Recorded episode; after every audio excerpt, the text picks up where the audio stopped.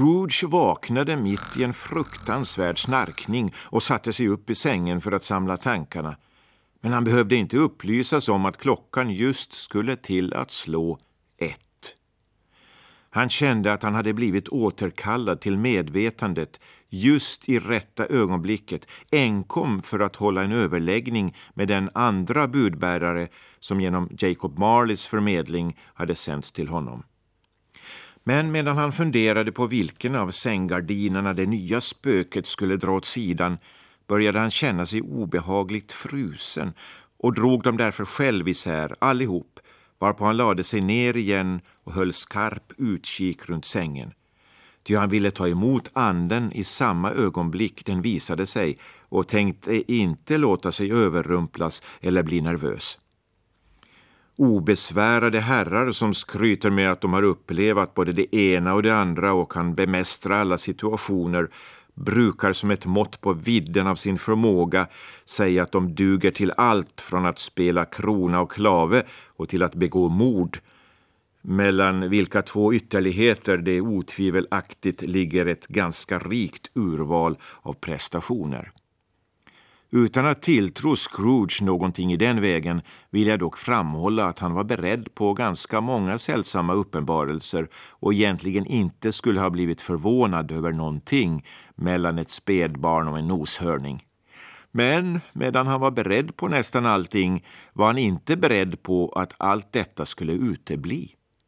Och när klockan följaktligen slog ett och inget spöke uppenbarade sig började han darra häftigt. Det gick fem minuter, tio minuter, femton minuter och ingenting kom. Hela tiden låg han kvar i sängen som själva medelpunkten i ett rödaktigt skimmer som hade flammat upp just vid klockslaget. Och eftersom det endast var ljus var det mer oroväckande än dussin spöken. Han var ur stånd att fatta vad det betydde eller skulle leda till och han oroade sig ett slag utan att ha trösten att veta det vid tanken på att han kanske var något intressant fall av självförbränning. Till slut började han dock undra, vilket ni eller jag skulle ha gjort från första början, Ty det är alltid den person som inte befinner sig i ett eh, visst predikament som vet vad som bör göras och otvivelaktigt skulle ha gjort det. Till slut, säger jag, började han undra om inte källan till och hemligheten med det spökaktiga ljuset var att söka i det angränsande rummet, varifrån det också vid närmare undersökning tycktes komma. Sedan han hade konstaterat detta steg han tyst ur sängen och hasade i tofflorna fram till dörren.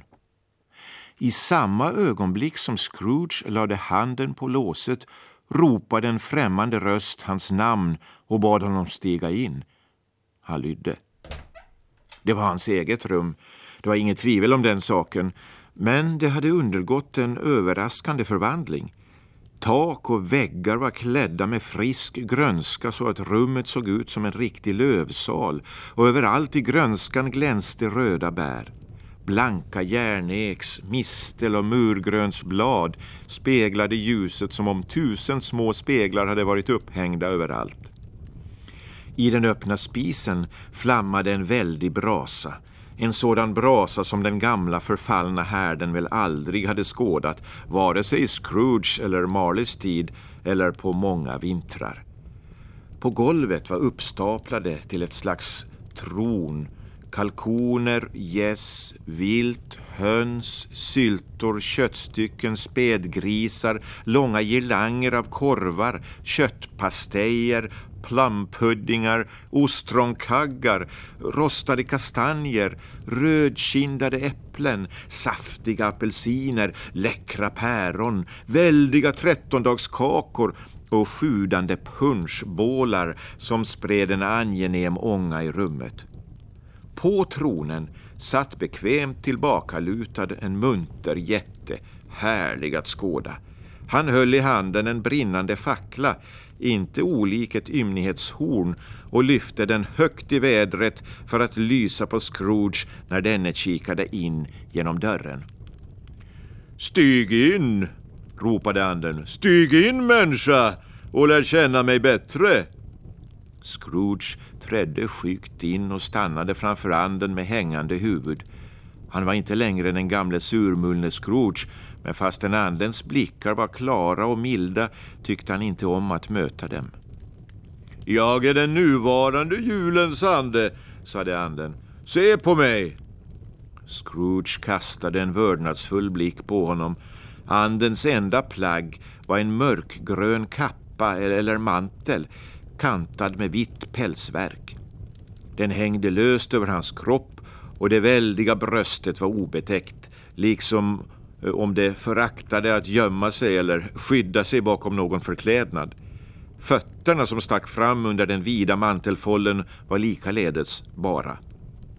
På huvudet bar gestalten endast en krans av järnek, här och där smyckad med istappar. De långa mörkbruna lockarna hängde fritt. Ansiktet var öppet och fryntligt. Ögonen tindrade, rösten var munter och hållningen otvungen medan han med glädjestrålande min räckte ut handen. Vid midjan bar han en gammal svärdsskida men inget svärd fanns i den och själva skidan var förtärd av rost. Du har väl aldrig skådat min like förr? utbrast anden. Nej, svarade Scrooge. Har du aldrig varit ute och vandrat med de yngre medlemmarna av min familj? Jag menar mina äldre bröder som har fötts de sista åren, fortfor anden. För själv är jag mycket ung. Det tror jag knappt, sade Scrooge. Nej, eh, det har jag nog inte. Har du många bröder, Ande? Över 1800, sade anden. Det var en rysligt stor familj att dra försorg om, mumlade Scrooge. Den närvarande julens ande reste sig. Ande, sade Scrooge undergivet. För mig vart du vill. Jag tvingades förra natten ut på en promenad och fick då en läxa som jag inte har glömt. Om du har något att lära mig ikväll, så låt mig få nytta av det. Grip min mantel,